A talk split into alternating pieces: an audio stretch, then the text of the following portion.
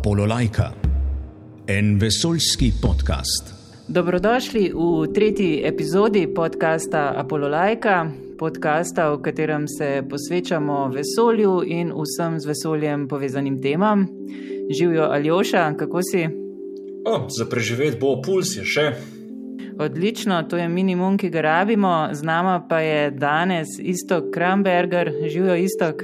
Živijo. Pozdrav, Maribor. Pozdrav, Ljubljano. No, zdaj verjetno že sumite, da bomo danes govorili kar precej o satelitih. Apololajka, en vesoljski podcast. Ampak nedvomno je vesolje danes precej drugačno, kot je bilo le nekaj tednov nazaj. Vojna v Ukrajini in posledične sankcije proti Rusiji se močno občutijo tudi v vesoljskem sektorju. Rusija je na tem področju pač izjemno pomembna sila in posledice skoraj povsem prekinjenega sodelovanja se tudi visoko nad našimi glavami močno čuti. In tudi o tem vplivu ne gre, da ne bi spregovorili v Apololajki.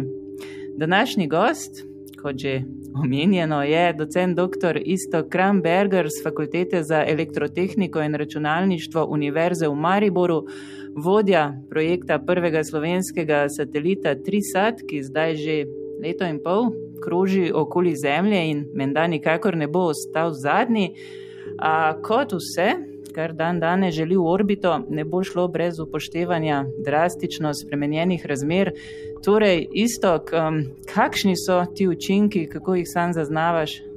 Ja, zaenkrat uh, uh, v bistvu teh učinkov še ni v taki meri uh, zaznavati.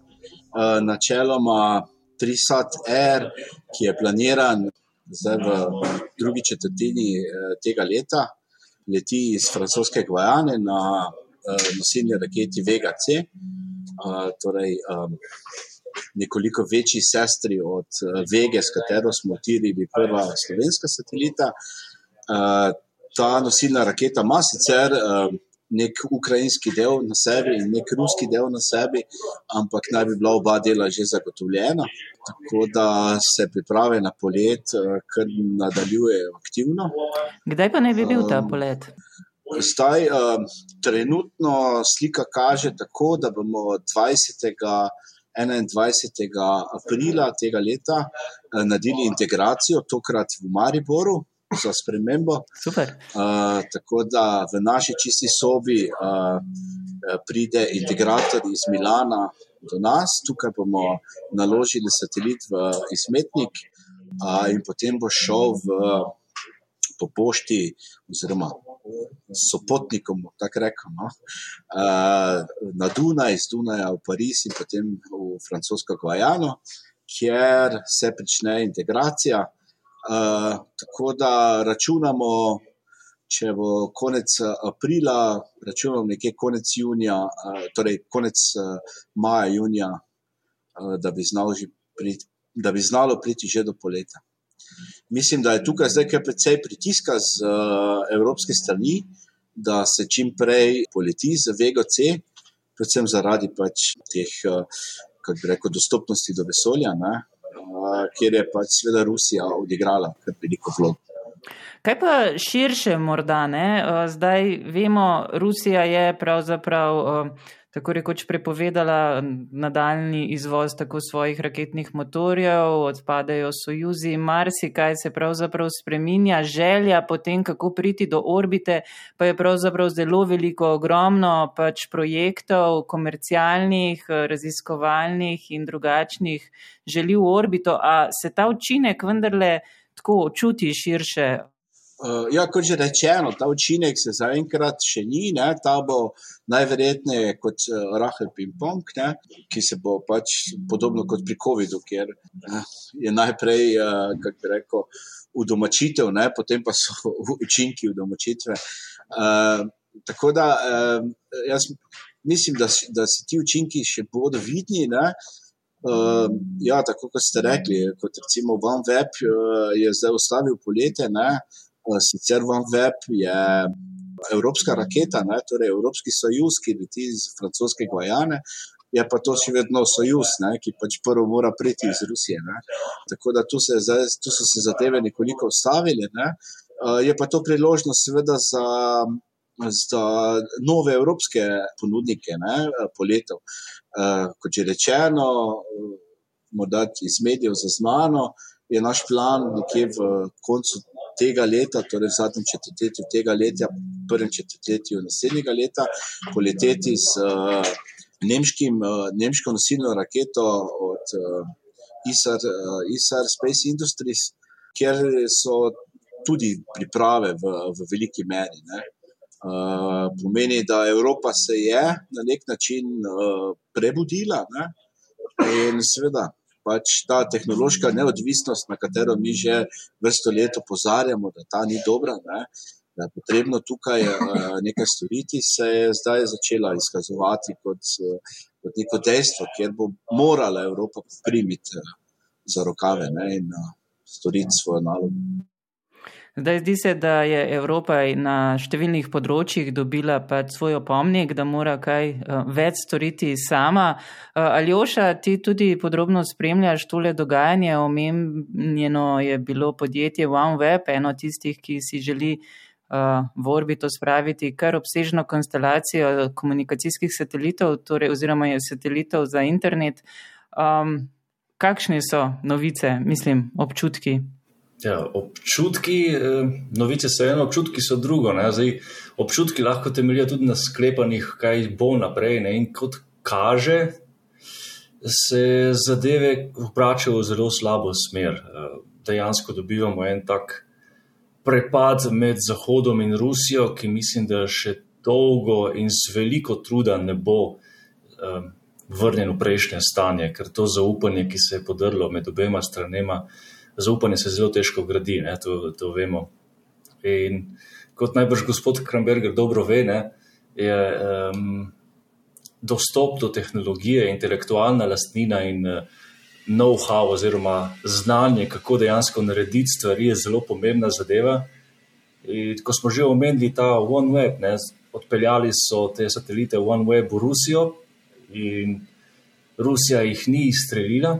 In zdaj so tam v nekem skladišču, ne, v Bajkonurju. Kaj to pomeni? Ne, da Rusija jih lahko zdaj najbrž temeljito pregleda, tako hardversko kot softversko, lahko jih poskuša kopirati, lahko poskuša vdreti v softver in poišče neke um, šibke točke, katere se lahko potem kasneje udira in tako naprej. Ne, in zdaj, um, Po eni strani me zanima zdaj, uh, vaš komentar, gospod Gramberger. Ne? Kako bi se vi počutili, če bi vaš satelit naenkrat zdaj ostal tam v Bajkonurju kot neke vrste ujetnik, siroteli v rokah države, ki zna biti, da že dolgo ne bo več prijazna do nas?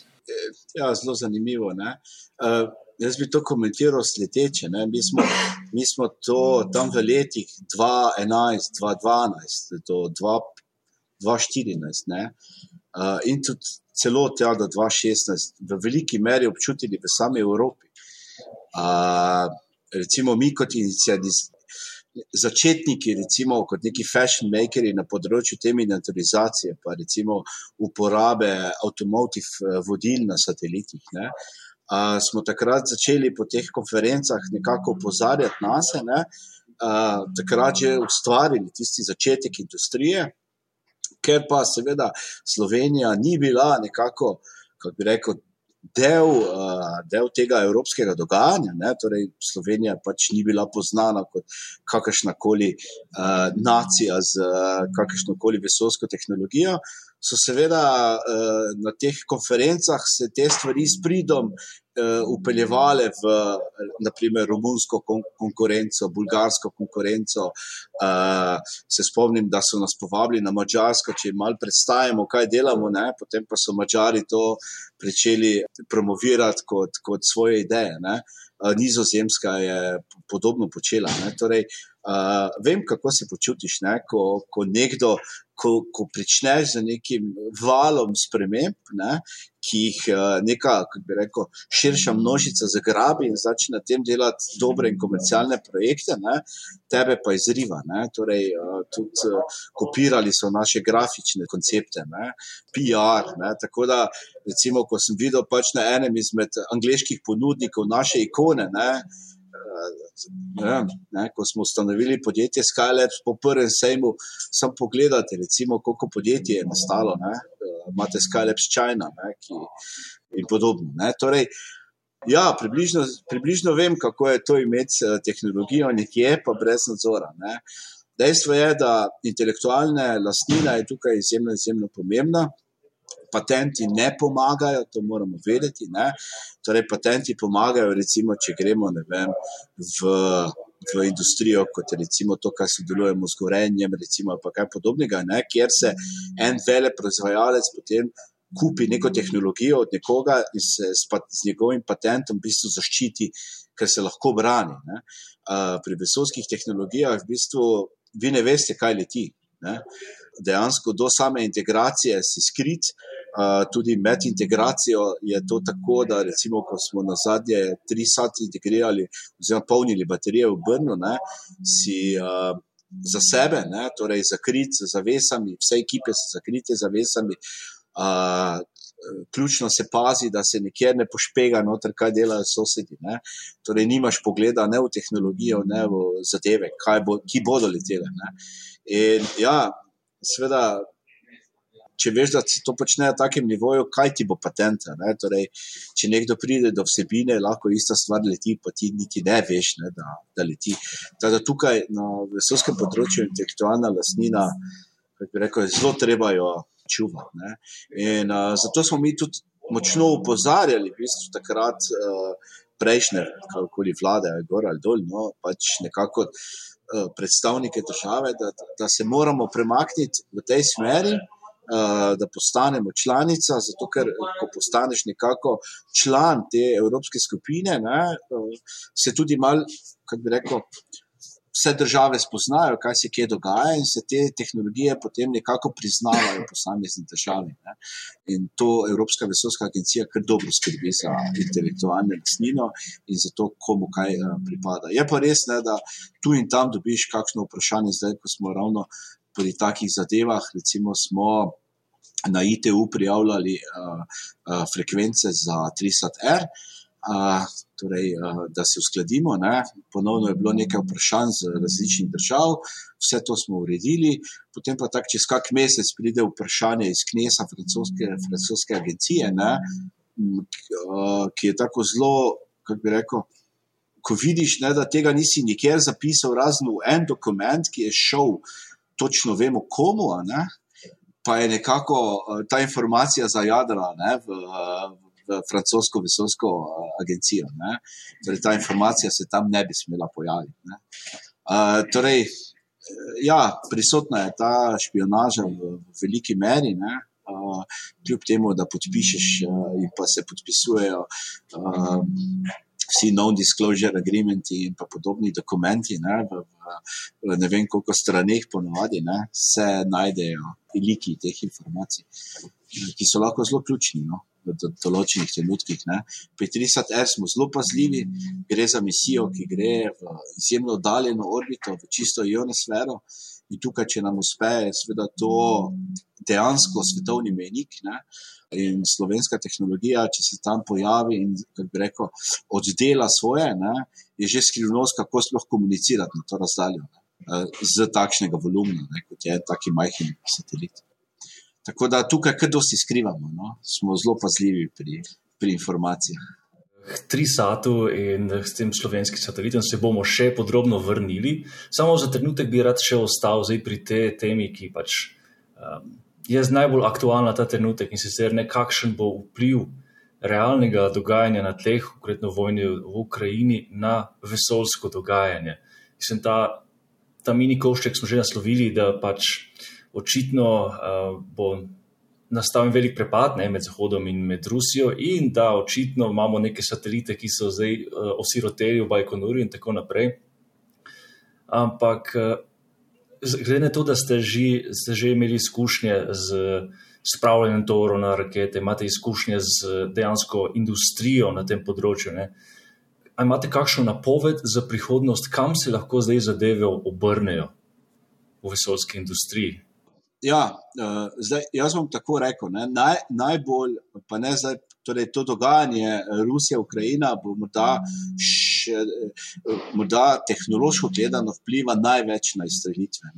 Torej, uh, Rusi so dejansko leteli vsaj šest, uh, šest poletov, če se ne motim, uh, letno, ne? tudi kadar ni bilo gužve. Torej, poleti so bili redni, ne, tudi dostava na mednarodno vesoljsko postajo ne, uh, je bila uh, redna, ampak vidite takoj, ne, da tudi ta odgovor Amerike, maska, bom jaz zdaj enkrat nekaj pripeljal. Ne. torej, ta napenjanja ne, niso samo v tem trenutku, ampak so že nekaj časa. Ne. In ta napenjanja morate razumeti stališča tehnološke neodvisnosti. Ne? In tu je Evropa zaspala. Uh, to jaz razložim na, na, na, na dva taka tipična pogleda. Torej, za mene ločimo dve aplikaciji vesoljski. In se to usopada tudi s povsem zemljskimi aplikacijami. Torej, eno je tako imenovani upstream, in eno je downstream.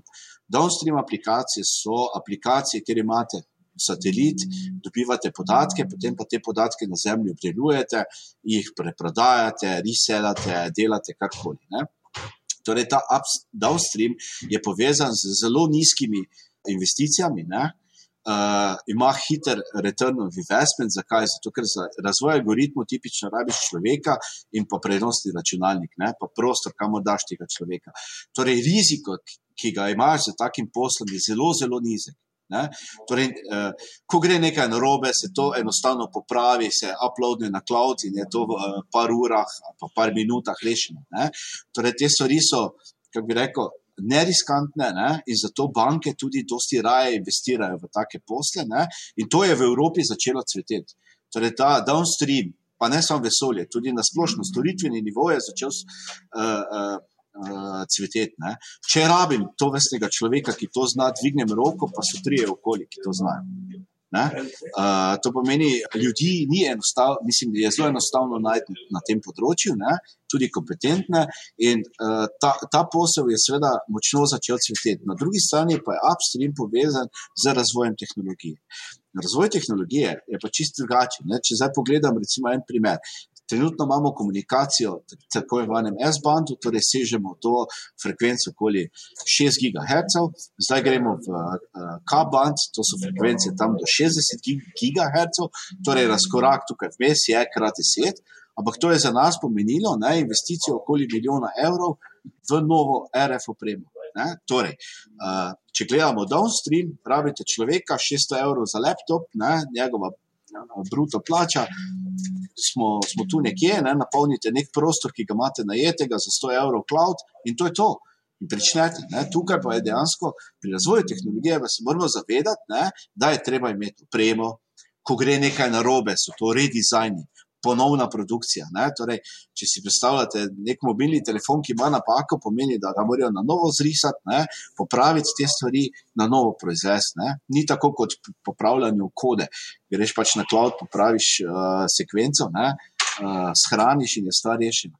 Torej, Ta preprosta argumentacija vam lahko da ta smisel, kaj delajo Evropa. Proizvodnja je bila vsa izven Evrope, večinoma, mi smo govorili, da je tako samo storitve, ne, vse tehnologije bodo delali drugi. Kaj se pa zdaj zgodilo? Ne? Ta pojem umetne inteligence, ki je tako zelo zanimiv, je tako lepo recimo, lahko razložiti. Ne? To so vse bazvodi, ki jih ustvarja trg, zato da se stvari preprodajajo. Uh, umetne inteligence ni. Ne? Ker ko bo nekaj pametnega, tak, da se bom lahko z njim pogovarjal, še nekaj časa. Uh, če pa rečemo Aleksi, ki je pač naučena z nekimi algoritmi, da mi zna povedati vico čak Norisu, ne? to še ni, je na nek način umetna inteligenca, ampak je še daleč prave inteligence. Ne? Kakorkoli, torej, vse, kar je danes pametno, je toliko pametno, kot so bili pametni njegovi ustvarjalci, ki so to ustvarili.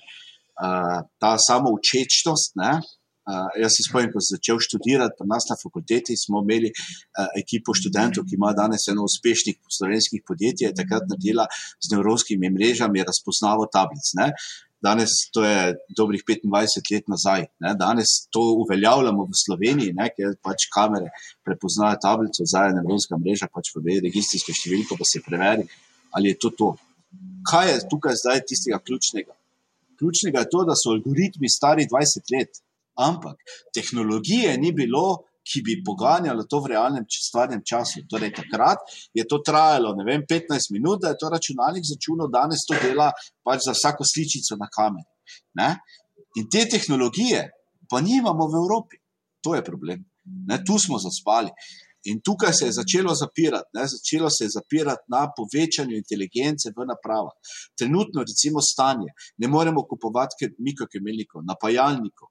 Je, mi imamo take deleje trenutno v tudi zemljskih projektih, ne? zato ker enostavno ni proizvodnje na pol prevodnikih. In to je, kako bi rekel, en tisti ključni razlog, ki je začel napenjati vse te vele sile. Tako da uh, zdaj ali je Rusija pač si želela nekaj v Ukrajini ali ne, ne, tega ne bom neposredno komentiral, ampak eh, če pogledamo situacijo prve svetovne vojne, ne, uh, dajmo tako pogledati. Ne, današnji avtomobil je isto parni stroj, ne, samo pač ima notranje zgorevanje, takrat niso imeli zunanjega. Ne, ampak ko se je začela ta masivna proizvodnja in ko se je trg nasičil, ne, se je, začel, se je začela vojna zaradi tehnologije. In to je to. Uh, tako da, kako bi rekel, morda gledate to zdaj iz luči nekega specifičnega dogajanja, ne? ampak mi to dogajanje čutimo zdaj že dve leti. Uh, tudi ko kupujemo komponente, ne, uh, izjave, da ne bo za vojsko, da ne bo za to, ne, torej, uh, ne prestani uh, checking, čisto vsega, kar pride iz Amerike. Uh, In v tem trenutku, recimo, Evropa sploh nima tehnologij. Ne? Torej, recimo, programljiva logična vezja pa nas pride vsaj iz Združenih držav Amerike. Evropa trenutno ima eno tehnologijo, zdaj smo se začeli pogovarjati, naredili smo prve implementacije, naredili smo prve radiacijske teste z evropsko tehnologijo, ampak zaostaja. To pomeni, če hočemo doseči isto raven vgrajene inteligence, je še to kar nekaj časa, da bi se to razvilo. Ne? In potem prije von der Leyen, ko vidi, da je vse skupaj že na robe, in reče: Zdaj bomo pa početverili, ne podvojili ali potrojili, početverili aktivnosti na polprevodniki. Ne vem, koliko sta sledila temu. Ne? To je odraz tega, ne? 25 let. Reči, da se z umazanijo se bodo drugi ustvarjali, ne? mi bomo sedeli v pisarnah in bomo otvorili algoritme. In to je ta odgovor. Ne? In uh, to mi opažamo tudi po pomankanju kadrov, ne, torej število študentov, ki, ki se zanimajo za recimo elektrotehniko. Ne. Zdaj bom tako rekel, spletnega programerja, dvignem roko, najdem. RF inženirja poznam samo enega v Sloveniji, ki je dober. In to je naš Gregor, ki je v, v laboratoriju. Ne. Kaj hočem povedati? Torej, na njem smo gradili 15 let. Ne? Torej, ne moreš dvigniti roke in dobiti tega človeka. In to, to so nekako, kako bi rekel, tiste prikritosti, ki jih dejansko, kot pavšalni opazovalec, ne vidite. Ne? Pač greste v trgovino in kupite škatlico. Ne? In pač ta škatlica ima neko ceno. Ne? Ampak ta škatlica ima od zadaj desetletja razvoja ne? v, v teh komponentah, in, in tega nimamo tu je Evropa izjemno, izjemno zaspala. Zato, ker je pač bila fokusirana na, na koncept uh, hitrih investicij. Ne. Zdaj, pa, ko, ko pa je zapelo, ne, pa pač, in to se seveda takoj prvo vidi na vojaški industriji, ne, zato ker pač komponent, vse sodobno orožje je zelo pametno, preprosto povedano. Uh, potrebuje to vrsto tehnologijo, tukaj se pa potem začne zapletati. Ja, uh, zanimiv vidik je ta, ne, kako se je menili, težave s to industrijo polprevodnikov so, so že vlečejo že kar nekaj let. Ne? Tudi zaradi dejstva, da je en, en kup te uh, mašinerije sposobne izdelave zelo naprednih polprevodnikov v Tajvanu, ne? Tajvan ima pa težave s Kitajsko.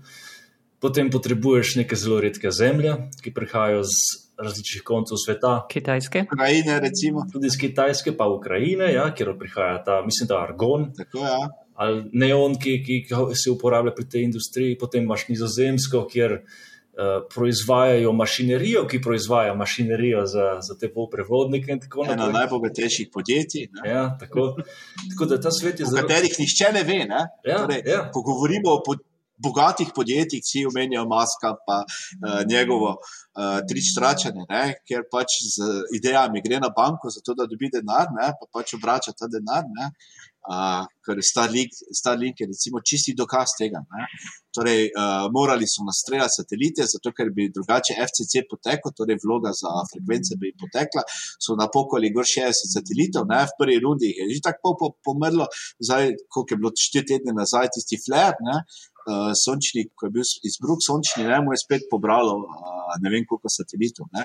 Se pa spomnim diskusije recimo z njegovim konkurenčnim Planet firmo. No, uh, ko, smo, ko sem bil v Sorentu v Italiji, pa sem se zlagal, da pač vseeno gremo, delamo uh, sisteme, ki imajo visoko zanesljivost, jih radiacijsko preverimo, zato da, da vemo in da lahko damo nek šegn za življenjsko dobo. Pa mi je gospodična spleneta rekla, ah, mi se ne sekiramo pač me, mi jih samo več mečemo gor, uh, če umirajo, ne, jih bomo samo, jih samo dodajamo. Zdaj pa, dokler je to startup in dokler se to ustvarja, je to ok, ne, pa zadostiš nekim bančnim ciljem, zato da pač pokažeš, da je vse komunikacija, ne, banka, da že jih gor, ker itak nima pojma, zakaj se gre. Ko pa začne se potem dejansko storitev implementirati, takrat pa nastane problem. Ne? ker če si zdaj pa ti en izmed teh 100 evrskih uporabnikov, ne, uh, zato ker druge opcije nimaš, ne, pa pač je pol satelitov povrlo, pa imaš za to pač storitev, ne vem. 30% internet dela, 30, ne vem, 60% pa internet ne dela. Ne? Boš se pa vprašal, ali boš zdaj še to, kako bi rekel, dalje plačeval ali ne. ne? In, uh, no, tukaj se je začelo to, kako bi rekel, maščevanje, na katero že mi kar vrsto let opozarjamo. In uh, to so tudi eni izmed razlogov, zakaj pač v bistvu naša industrija začela postajati tudi v upstreamu izjemno uspešna na mednarodnem trgu. Ne? Zato, ker smo bili v konceptu low cost, konceptu low cost, tako kot Starlink, OneWeb in podobno, ampak še vedno ne, z pametnimi tehnologijami in pametnim načinom uporabe visoko.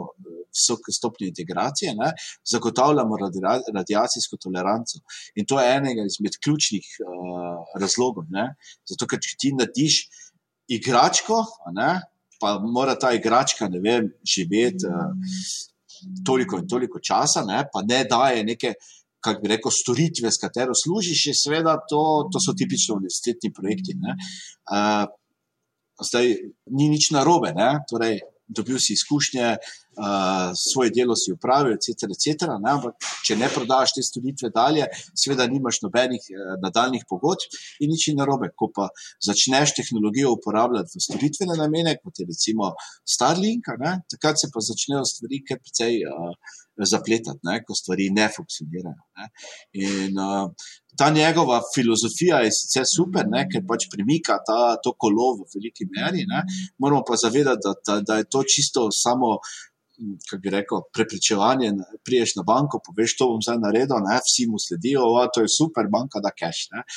Uh, in poj pač zadostiti minimalnim zahtevam, zato da se to implementira. Ne, ne bom rekel, uh, torej nič ne kritiziram, da dela čudeže, ker to, da z raketo grejo v luft, pa pristanejo, ala je vera. Ne, ampak uh, na konec koncev hočem samo povdariti, ne, eno je nizkocenovna miselnost, ki se je začela v vesolju, eno je pa nizkocenovna miselnost z smiselno, kako bi rekel, razumevanje tega okolja. In tukaj, tukaj sta nastali dve veji. Torej, ena veja je šla v čisto tako nizkocenovno tehnologijo, torej uporabi vse, kar uporabljaš na Zemlji, se bo delalo v nizki orbiti. Ne? Uh, nekaj pa je, da veš, kaj se dogaja v to, tem okolju, ne? izbiraš tiste tehnologije, za katere veš, da jih smeš uporabiti in na kak način jih smeš uporabiti, in imaš za to enako cenovni razred, ne? ampak dosti večjo zanesljivost. In tukaj smo pač mi trenutno najboljši. Odlično. Uh še zmeraj vidim v, v vaših besedah, slišim predvsem ta zven, te zgodbe, ne, ki se, recimo, se spomnimo z Nokijo, ne, ta propad izdelovanja visoke tehnologije v Evropi. Ne. Nokia je bila tako zadnje, tako ogromno podjetje. In potem se lahko ozremo okoli sebe in najbrž jaz lahko rečem, da je ta mikrofon, katerega govorim, narejen na kitajskem, najbrž so, najbrž so vaše slušalke narejene na kitajskem, ne vse je narejeno na kitajskem. Ne. Zdaj pa zaznavamo ta trend krhanja teh dobavnih verig globalnih, zaradi krhanja odnosov in pomembnosti tega, da znamo proizvesti stvari doma. In ja, tukaj pride potem vaše, vaš projekt zelo na plano. Ne? Kako pomembno je, da smo, okay, poleg, poleg tega simbolnega vidika, ne, da zdaj imamo prvi slovenski satelit v vesolju, kar je ogromen ta simbolen pomen. Ne. Slovenija je prvič dosegla orbito na nek način. Ampak kakšen je še dodaten pomen, praktičen pomen, dolgoročno za Slovenijo, za državo, za znanje inženirjev naših lokalnih? Uh, ja, uh, jaz sem tako rekel. Ne.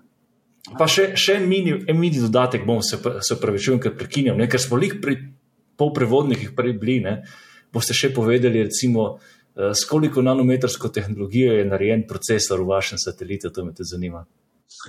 okay. uh, torej, uh, jaz sem na tisti prvi del odgovoril tako. Torej, leta 2009 je tu pri nas v laboratoriju skakala ESA, mi smo bili polni kvadrokopterjev. Uh, teh, uh, uh, se poznate, pač teh vrčeplančkov. Uh, torej, mi smo imeli enega izmed prvih vrčeplanov na svetu, tri skupine so bile, ki so imeli leteče. Naš je bil celo prvi, je imel samo tri elise, pa smo imeli težave malo z stabilizacijami, potem smo naredili štiri lisnega. In uh, v Cankarju, vedno to so bili neki dnevi slovenskih tehnologij, smo leteli v Cankarju, v novo z njim in pa leti pač gospod Petrač, takrat je bil GPL na nas in pravi, dečko, gremo v Ameriko, to bomo prodajali na veliko. Sam se rekel, da pripelji ti Ameriko sem, konec koncev je to najlepše okolje, zakaj bi zdaj tam šel med uh, tisti rendaj dol. Ne?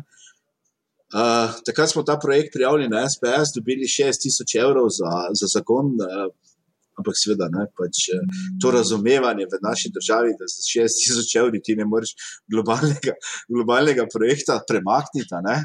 Uh, recimo, ne vem, uh, kot primer Planet, ne, ko je naredil isti tak satelit kot naš, samo pač z klasično vizualno kamero, moj Google stisnil 32 milijonov uh, ameriških dolarjev, ne, da je začel pač malo bolj serijsko to proizvajati. In to so investicije, ne, tega Evropa ne pozna. Uh, Evropa pozna te neke mehanizme, pa se prijavljaš tam, pa zgubljaš energijo, uh, pa gor pa dol. Ne?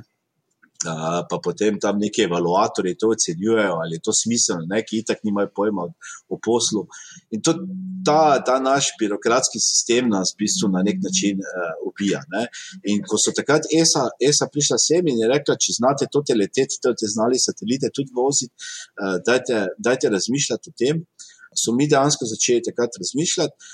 In uh, ko, smo, ko smo šli prvič v, na SSTL, torej Surrey Satellite Technologies Limited, to je uh, podjetje v Guildfordu, ki danes Galileo satelite uh, izdeluje, to je bilo še takrat majhno podjetje.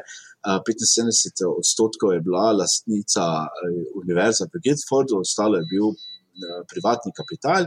In mi smo se začeli s tem podjetjem pač uh, družiti, pogovarjati. Eh, pošiljati začeli gor študente.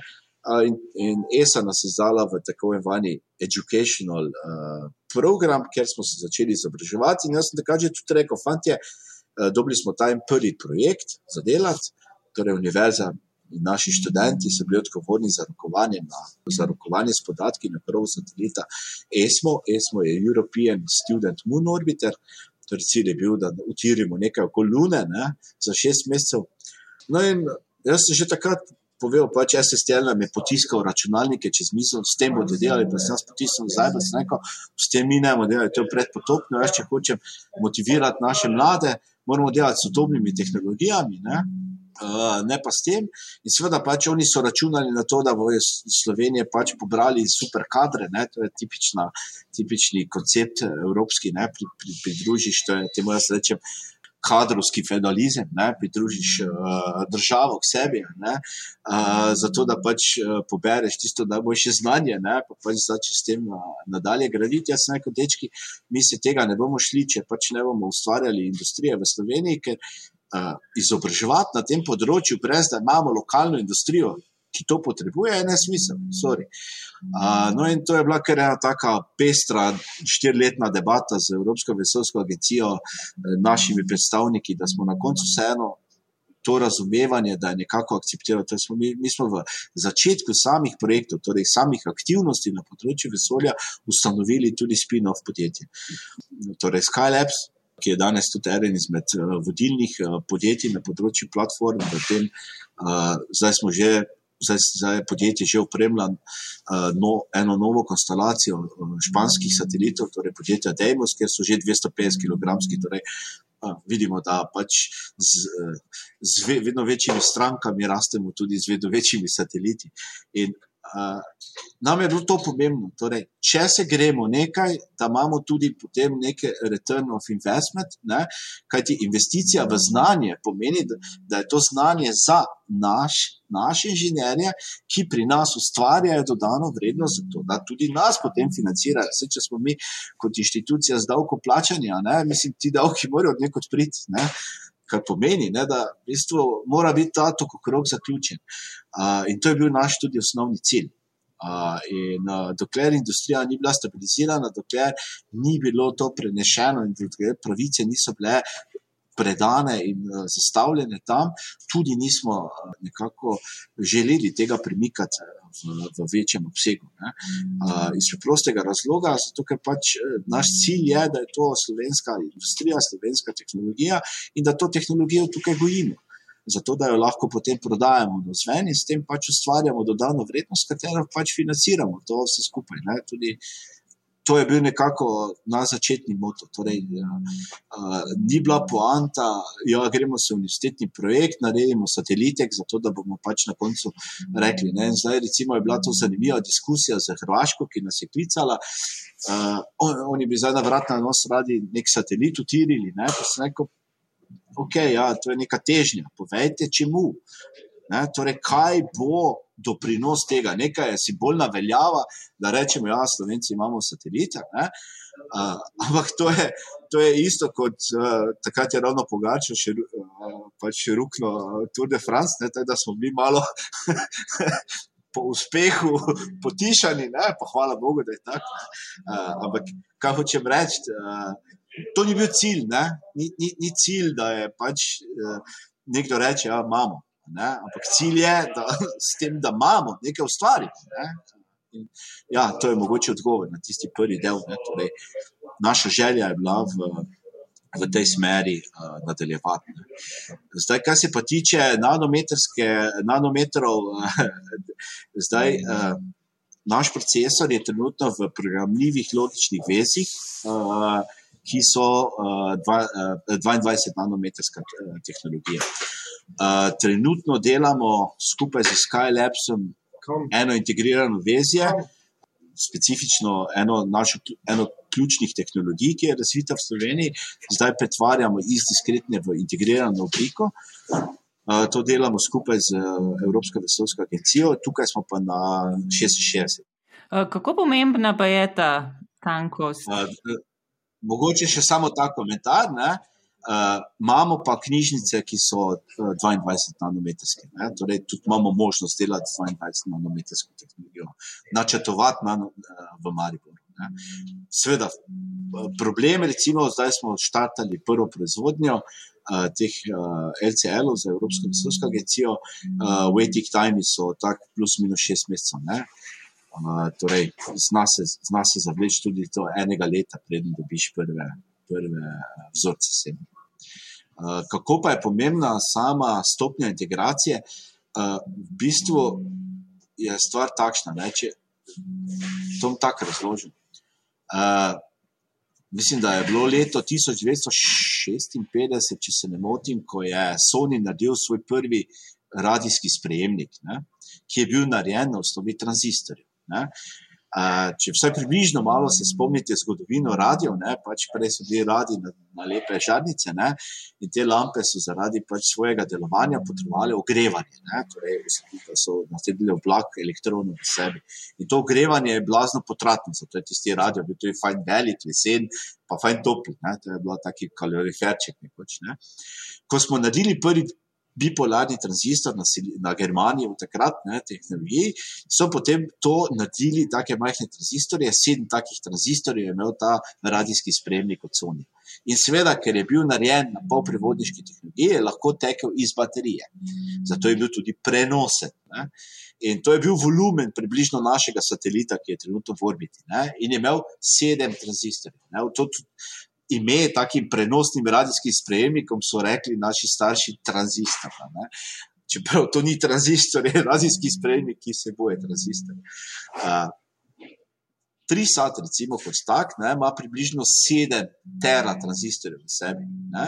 To pomeni, da smo približno 10 na 12 povečali koncentracijo tranzistorjev v nekem približno enakovrednem volumnu v tem, rečemo, 60-70 letih. Ne. Kaj za to pomeni?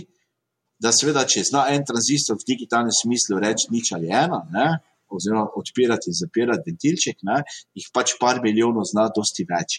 In seveda ta količina, torej večja kot je stopnja integracije, več lahko spravimo inteligence na isti volumen oziroma na isto velikost silicija in seveda s tem povečujemo pač, uh, kako bi rekel, tehnološko raven. Torej manj, manjši, ko so, uh, hitreje lahko delujejo in z tega razloga tudi grejo procesno procesna sposobnost više, više više. Tako da zdaj ta čist zadnji trend, torej 4 nanometre, kaj misli eh, zdaj Inteli telovaditi, ne, ali pa recimo 7 nanometrov AMD, pa 14 nanometrov. To so res oni latest, greatest, ampak ti niso toliko pomembni za, rečemo, čist neko generično, generično elektronsko stvar, kot je naprimer zobna ščetka. Ne so pa zelo pomembni, predvsem za te zadnje trende, kjer govorimo o umetni inteligenci, big data, internet stvari, etc. etc. Ne, ker pač imamo veliko količino podatkov, ker želimo na čim manjšem uh, segmentu sprocesirati čim, večje, čim večjo količino podatkov, pomeni, da pač rajemo večjo gostoto. Zato so ti nanometri, recimo, uh, nekako trendi. Ne. Uh, v resnici pa v bistvu. V splošnem uh, današnja elektronika v, v poprečju nekje 22 nanometrov je, je danes neka smiselna, cenovno razumna cena. Tudi eno stvar se moramo zavedati, da proizvodnja, proizvodna kvaliteta tukaj zelo, zelo upada, ne? torej zaradi tega, ker so te stvari že tako majhne. Ne, če pogledamo, uh, da je pač razdalja med silicijem in atomi tam okoli uh, 0,6 nanometra, ne, če je nekaj veliko, uh, par nanometrov, je to že pač par atomov. Ne, in uh, uh, ko pogledamo količine, recimo, uh, pomnilnikov, ne, pa če si predstavljate, da imate noter v procesorju takšne, ne vem, 16 mega cache pomnilnika, torej 16 milijonov, pa krat 8 bitov, pa karajmo za vsak bit, recimo 4 tranzistorje, krat 4, ne, prijete to na takšne cifre, da dejansko, da bojo vsi delovali ne, je tako, da ste zadeli na lotu. Ne. In zato tudi vidite, recimo, te variacijske cene ne, procesorjev, ki imajo veliko število jeder, recimo 32 jedrniki, ne, ta cena 10.000 evrov. Ne vem, uh, 28 jedrnik, recimo, ne, pa ne vem, cena 7000 ali 5000 evrov, pa potem tako dovolj do teh, ki si jih mi kupujemo za 500 evrov. Ne. Zakaj? To je to vse isto jedro, to je ista proizvodnja, isti strošek proizvodnje. Problem je samo ta, da večja kot stopnja integracije, večji je izmed. Torej, na vse deluje. In se iz istega silicija potem tvorijo različne različice, zato se lahko na trgu trguje z njimi. Torej, to je tak, kako bi rekel, kar zapleten postopek na konec konca. Ja, ta nanometrska tehnologija je bolj pomembna pri tem, ne, da lahko potem vem, tukaj na mojem računalniku poganjam Counter-Strike pri 140 sličicah na sekundo. Ne. Pri vas je predvsej bolj pomembno, da ko pridejo visokoenergijski eh, delci iz vesolja, ne, da tehnologija še vedno deluje. E, zdaj podarimo, ne, da najprej, čeprav, če se ne motim, je tako procesor kot vsa ostala elektronika in ta satelit eh, dejansko plod slovenskega znanja. Ne. In zdaj bi še za trenutek ostal pri tem procesorju. Ne? Kaj bi dejansko lahko poganjali na tem procesorju, kako zmogljiv je, oziroma da imamo ga primerjati s procesorjem, ki je recimo na Hublu, ne? ki je, je v zadnjem času spet eh, prišel v novice, zato ker je začel odpovedovati po, koliko, po 30 letih, potem ko je bil zasnovan v 70 letih prejšnjega stoletja. Če, če, če, če, če imate v glavi kakšne primerjave s tem Hublovim procesorjem. Ja, zdaj, jaz lahko to primerjam recimo z uh, aktualnim situacijo, dejansko ne vem, kaj je Hubble takrat letel. Ne? Ampak to, če se domnevam, da je bilo nekaj osembitnega, ne? uh, vsaj iz, iz tistega obdobja. Ne, ne vem, uh, v tem času sem jaz imel recimo Commodore Amigo, ne? to je bil prvi taki 32-bitnik, nišče okoli mene ni razumel. Učiteljica v srednji šoli mi je rekla, da je to hišni računalnik, ne, da to ni osebni računalnik, ker če osebni računalnik je vseeno nekaj drugega je, ne, jaz pa nisem mogel leta 80, recimo, ne, tam 81, razložiti, da imam okno. Ne. Torej, moje namizje v moji osnovni šoli je imelo koš uh, v zgornjem desnem kotu. Ne, In pa disketico narisano, tako kot jih imam danes v sodobnih Windowsih, in sem lahko nesel, da to teko v koš z miško.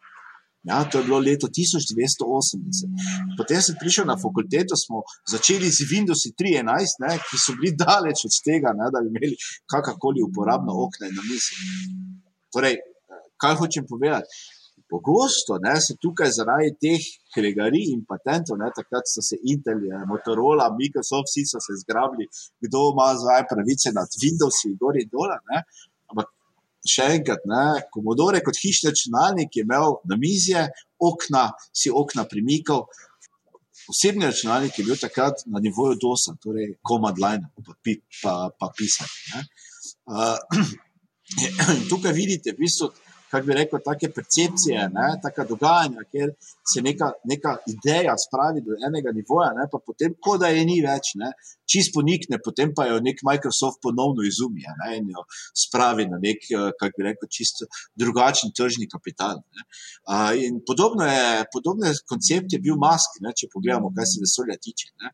Uh, dejansko, v bistvu, recimo Samsung je bil eden izmed prvih, ki je bukal 650 km orbito, ker je imel, on ima večne težnje, ne, da bi preklopil. Torej, kot dobavitelj mobilnih telefonov mu je seveda velik interes, da ne bi imel posrednikov. To so vem, slovenski telekom in njegov posrednik, ne, ki pač proda njegov aparat nam ne, z naročnino pri nekom. Ne. Torej, njegova večna težnja je seveda, da pač nimaš od sebe verige, ne, ampak si ti tisti, ki imaš naročnino in pa telefon. Ne, in, uh, nekaj časa, to je kar nekaj let nazaj, ne, tam je desetletje, on razmišljal, da bi probo izvajal Maxom, ni uspelo, uh, polje je začel razmišljati, da bi, da bi tudi naredil satelitsko telefonijo v taki obliki ne, in zabukal celo orbito. Torej, on je bil eden izmed prvih. Ne, uh, ampak je to počasi nekako, kako bi rekel, opustil. Potem se pa najde mask, pa prepriča banke, da začne streljati satelite.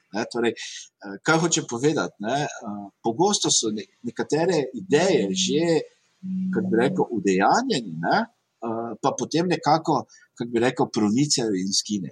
Zdaj, kje se naš, najde ta naš proces, piko skaj? Uh, v, v tej zgodbi ne, je sledeče. Torej, uh, ko smo mi začeli z tem European Space, uh, torej tem prvim projektom, našim vesolskim, je bila zadeva takšna, da SSL je prav, da ima dobre izkušnje z avtomotiv 8-bitnimi mikrokremeniki, ki so bili, to so bili 851, dejansko zelo, zelo zastarana procesorsko jedro, 8-bitno, neuporabno. In če bi jaz to dal študentom, da morajo na tem kaj programirati, bi oni rekli, da ne.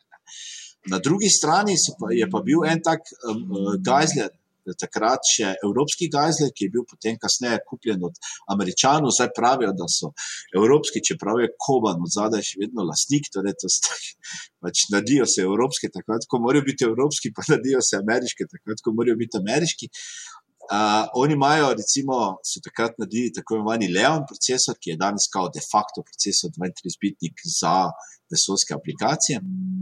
In uh, uh, smo imeli taki dve, raz, uh, uh, kako bi rekel, zelo velik razpon. Na eni strani zelo torej močen procesor. Kot recimo stilo Arma ali pa to, kar poganja današnje mobilne telefone, na drugi strani pa nekaj, kako bi rekel, protopnega. In tu smo ugotovili, da obstaja ena niša, ne, da je ta en segment, ki manjka.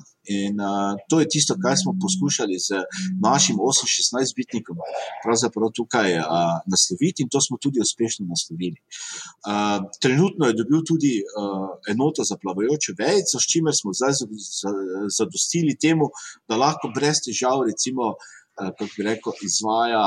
Kontrolne algoritme, recimo za stabilizacijo satelita, pa za rokovanje s podatki v smislu zagotavljanja pravilnosti delovanja satelita, ne, torej, da se temperature merijo, da se spremlja v bistvu nekako temu mi rečemo housekeeping ali vzdrževanje domačega okolja. Ne, torej, da je vse tipi topi, pa da če karkoli odstopa, da se to seveda proti zemlji javi in tako dalje. Torej, ti osnovni algoritmi plus ti osnovni regulacijski algoritmi uh, jih brez težav izvajamo. Ne. Seveda, kakšne procesiranje slike ali pa kaj podobnega, ne, uh, kjer pa imamo večjo količino podatkov. Ne, Z večjo podatkovno hitrostjo, tam pa seveda ta proces ni primeren, ne? tam pa posegamo po drugih arhitekturah. Uh, tako da, recimo, bomo pa na 3SAT-R, to je tudi mogoče ena taka izmed še prikritih informacij, uh, poleteli RISK 5, ne? Uh, tu ne vem, koliko ste kaj sledili, ampak eno, recimo, tako napetost lahko takoj vidite. Ne? Torej, ARM, procesorsko jedro, je bilo v rokah Angležev ne? in dokaj je bilo v rokah Angležev, je bilo za Ameriko in za Evropo čisto vse ok. Ne? Zato, ker ARM je v bistvu ni fizično jedro, ampak je opis, torej zapisan v tako imenovanem hardware description language in da ti vzameš licenco, plačaš in da daš svoj čip. Ne? In tak, zato imamo te arme, da vse, kar primemo v roke. Ne? In ko je to japonsko-kitajska naveza odkupila od Angležev, v tistem trenutku ne, je Amerika, MIT sprostil RISK 5. Ne? Je dal ven Open License uh, po MIT licenci RISK 5. In je naenkrat ustavila uh, propagando na armu, in uh, uh, cel svet se je zdaj fokusiral na risk, na risk pet, uh, visoko procesna jedra. Tako da na, na 3SAT-R imamo v bistvu evropski risk. No, Pet, ne, ki ga še nekoliko skrivamo. Uh, kaj je bilo zanimivo? Evropska vesoljska agencija ima enkrat letno z nas tako bilateralno izmenjavo informacij, uh, in tam so se pohvalili, da na 3SR bomo Slovenci poleteli uh, Risk 5. Ne, in, uh, prav nekako so se našobili američani, ne, da pač, uh, MIT-jevo tehnologijo, kot Evropa, prva pošilja v vesolje. Uh, torej, to je mogoče so tisti cukri, ali pa kako bi s tem rekel, ne, naši sladkorčki, ki ti imajo popestrijo, uh, kako bi rekel, to mednarodno dogajanje. Torej, tudi mi znamo z nekimi. Uh, kako bi rekel, potezami, ne, malo poigrati to mednarodno javnost v takem smislu. Ampak uh, procesno smo tu malo nižje od uh, takih 32 bitov. Okay, če se zdaj malo še bolj posvetimo 3SAT-eru, prihajajočemu, ne, prej ste omenili isto Kramberger, da seveda ni važno samo, da pošlješ satelit v vesolje, ampak da je treba vedeti, kaj boš s to tehnologijo počel in čemu bo služila. Čisto na začetku ste tudi omenili, da um, orjete ledino na novem področju, zdaj 3SAT-R za razliko od 3SAT-a gre, kot ste tudi že rekli, v ionosfero, tam nekje 650 km. 6000. 6000. Kaj se tam vse spremeni? Mislim, koliko je sploh v osnovi tam satelitov, zakaj je to področje zanimivo, kaj želite s tehnologijo tam doseči, na kaj pravzaprav ciljate, na kateri razvoj, v katero smer? Ja, uh, zdaj, sama ionosfera je zelo nezanimiva orbita za satelite, uh, predvsem zaradi tega, ker je to področje, kjer magnetno polje Zemlje, ki nas ščiti tudi pred vsemi temi alfa-delci, ki, ki prihajajo od, torej od sončnega vetra. Ne, um, Se tukaj ravno tako lepo ujamejo in zaokrožijo, naredijo tisto lepo, če bi zemljo iz vesolja pogledali, tako lepi si, ne, z repkom. Nas bi videli od zunaj. Ne. To je pač pisal posledica magnetnega polja, pa sončnega vetra, ki, ki pač eh, pridejo ti največ protonov, udari ne, kot eh, rezultat pač reakcije na soncu, jedrske reakcije, ne pač preletijo sem in se potem tak, tako lepo kapljico izoblikujejo. In ionosfera je dejansko ta, kako bi rekel, uh, menik, kjer magnetno polje že živi. Torej tukaj, uh, tukaj imamo 11krat, uh, oziroma 6krat uh, nižjo magnitudo magnetnega polja kot v nizki zemljini orbiti. In to je bil eden izmed prvih izzivov. Eden izmed prvih izzivov, kako to magnetno polje zmeri, zato da se lahko satelit dobro stabilizira. Teda, to je bil eden izmed no, no, novih stvari, ker smo razvili en zelo zanimiv uh, nov magnetni senzor, uh, ki to dejansko tudi uh, omogoča. Ne? No, naslednja stvar je ta, da je to, to orbita, ki je nezanimiva zaradi tega, ker je tu dejansko velika koncentracija delcev, uh, kar je takoj povzročilo recimo, neke določene izzive, uh, kako sploh leteti skozi tako gostoto teh delcev. Ne? Tako da, recimo, če pogledamo 300R, uh, ima zelo veliko količino aluminija, ne? torej uh, je veliko ve, velika količina je cela struktura, torej cela struktura satelita je dejansko hermetično uh, jo, torej, uh, zaprta pred temi delci. Tu smo izumljali kar nekaj zadev, kako pač pripeljati uh, soka, uh, vse te senzorje, uh, pač, ki so potrebni do samega jedrnega sistema. Uh, Recimo, en izmed velik, velikih izzivov je, kako zaščititi solarne panele, ne, zato ker pač ti, uh, kako bi rekel, ta fluks delcev, skozi katerega letiš, seveda ustvarja potencijalne razlike. Uh, in tukaj smo potem skupaj z Španci naredili en posebno posebno, mm, kako bi rekel, prik, torej prikrivno maso, s katero smo prikrili solarne panele, ki omogoča razelektritive, ne, brez uničenja uh, samih sončnih celic.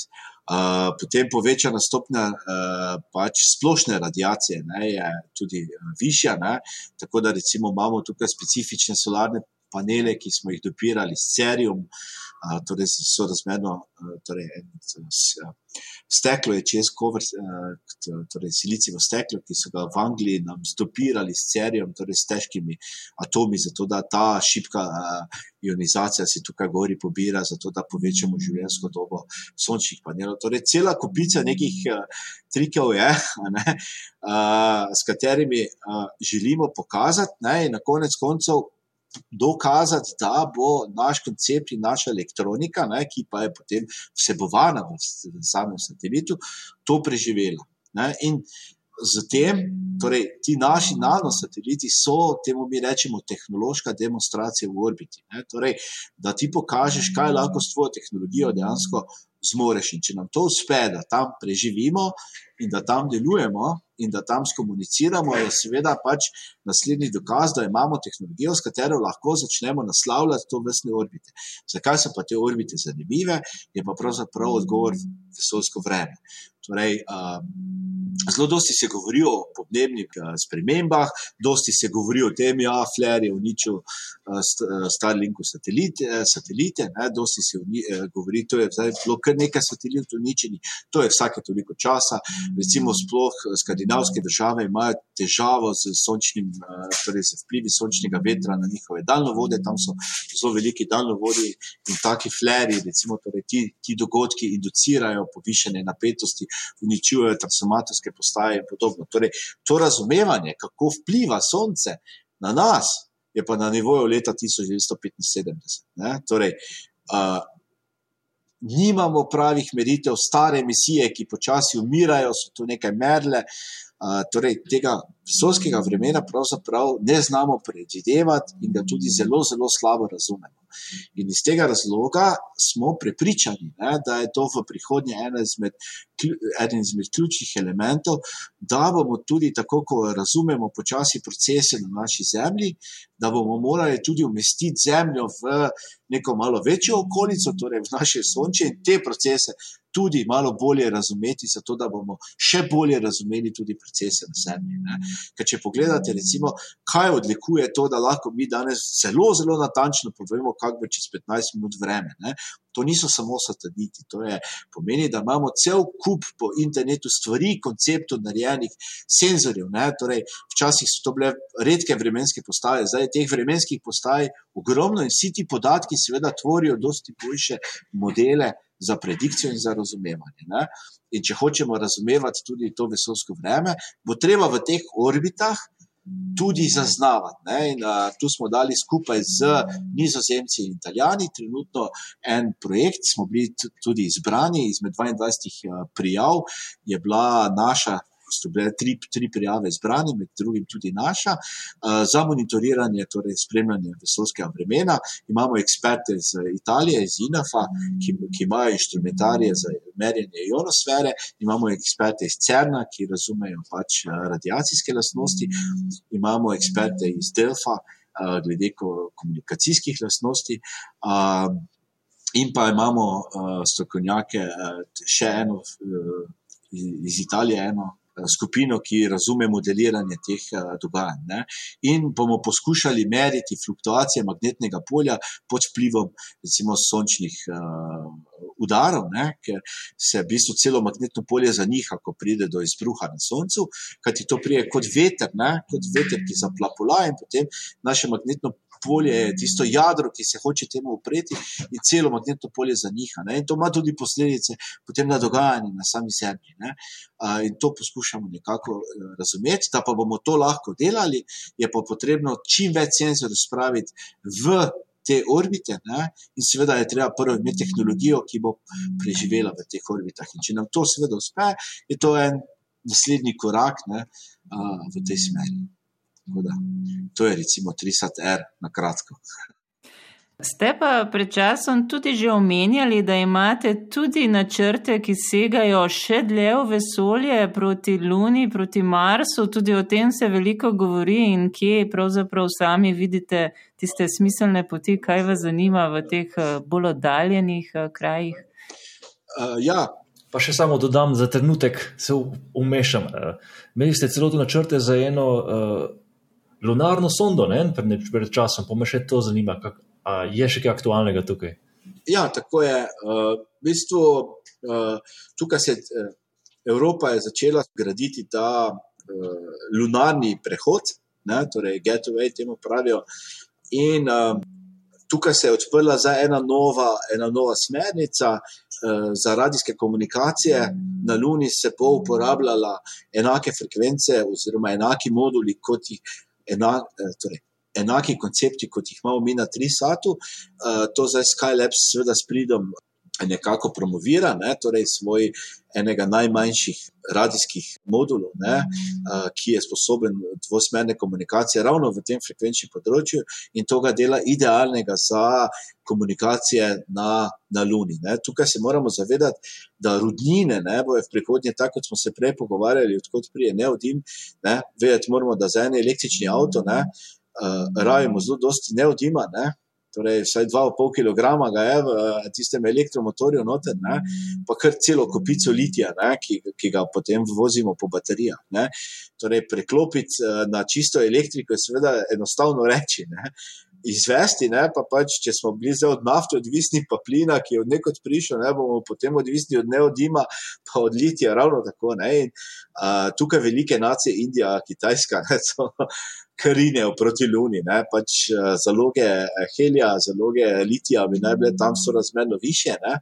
In seveda je to rodarjenje planetarno je v polnem razmahu, kar se tiče razmišljanja. Od tod spet nazaj pride Evropa z idejo, da rajmo prehod, ne, torej neko dogajanje, ko Lune se je začelo dogajati. In takrat, ko je Ariane Space najavila pač polet, smo mi pač dvignili roko, da če bi imeli prostor za kaj manjšega, so rekli, ja, imamo. No in uh, tako je pač se našla prva ideja, da pričnemo z pač utirjanjem enega nanosatelita v lunino orbito, predvsem v smislu tega, da poskušamo skomunicirati potem z.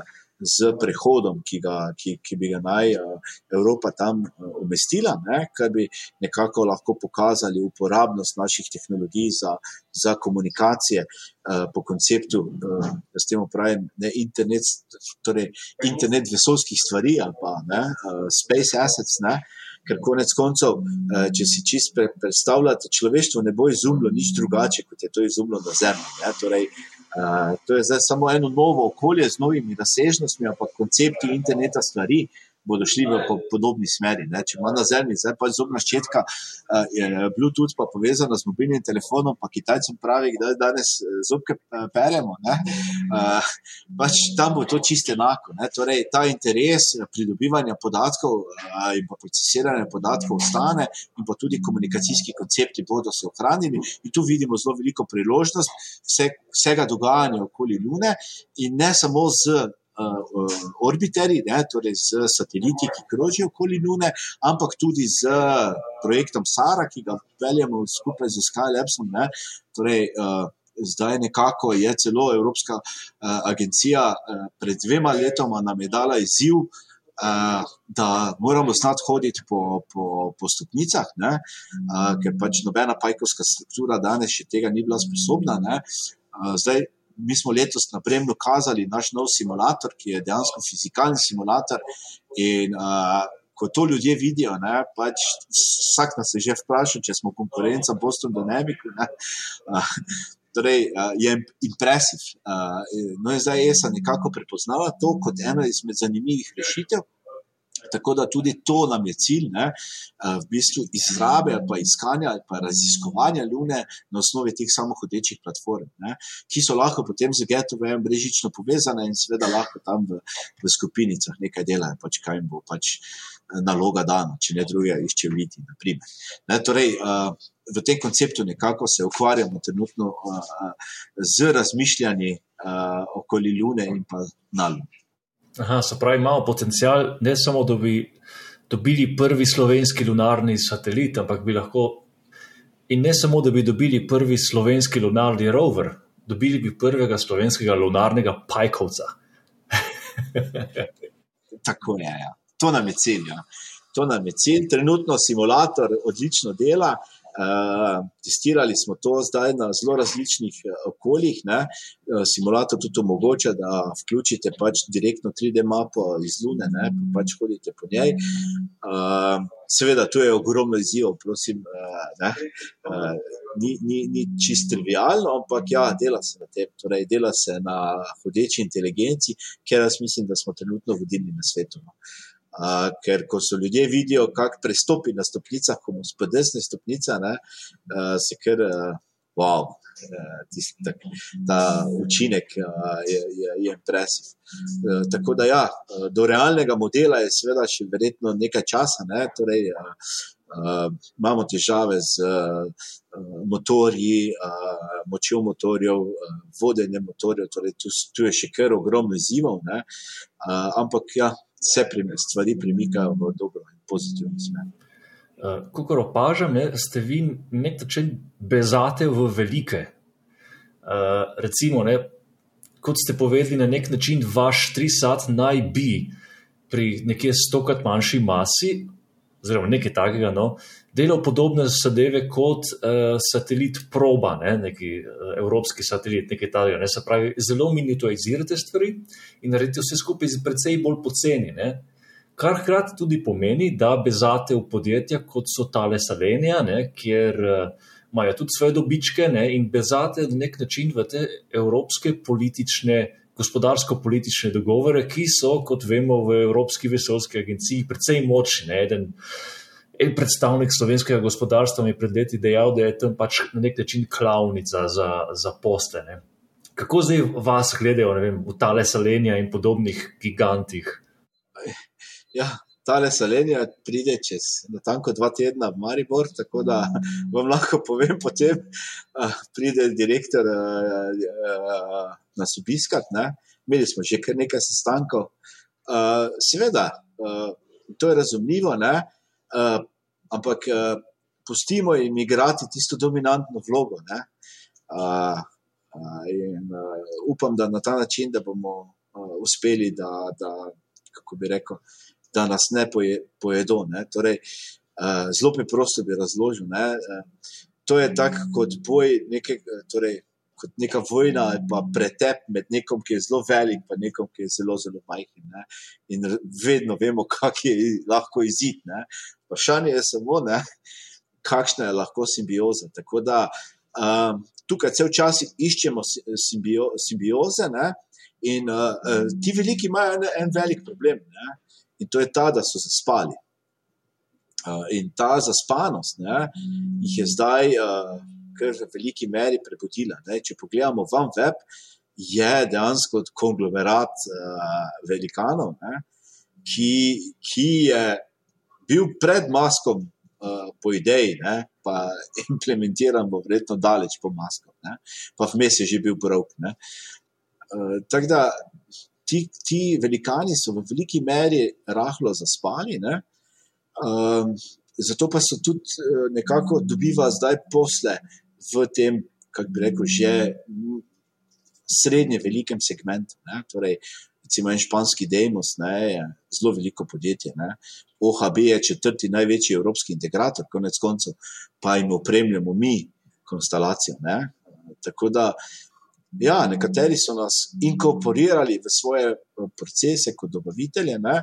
Nek z nekaterimi, tako kot je pa francozi, ne? pa se še vedno malo gledamo. Ne? Ampak lahko dam svojo osebno izkušnjo. Ne? Ko sem se pojavil v Toulouse, uh, mi je tam uh, pač profesor, s katerim smo kar dosti vsak, vsaki dve leti se srečevali na konferencah in diskutirali, rekel je: ja, isto, kaj pa ti tukaj? Ne?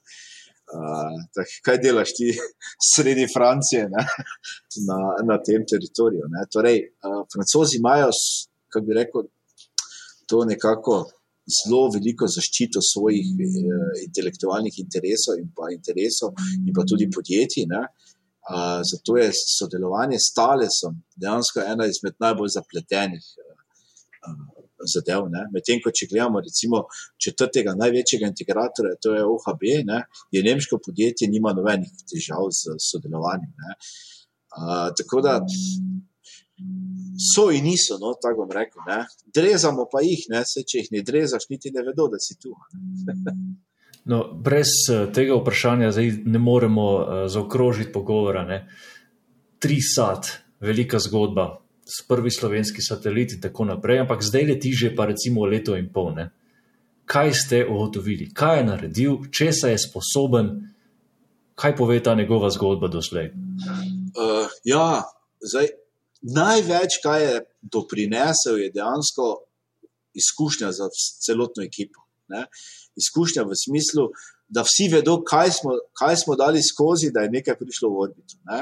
Torej, ljudje si pač predstavljajo, da pač greš do Ariane Space in rečeš: jaz bi letel, pa ti on pač reče: tu imaš tiket. Uh, torej, uh, od tega, da, da se je 22 držav zbudilo, ko smo zaprosili za frekvence, uh, do tega, da.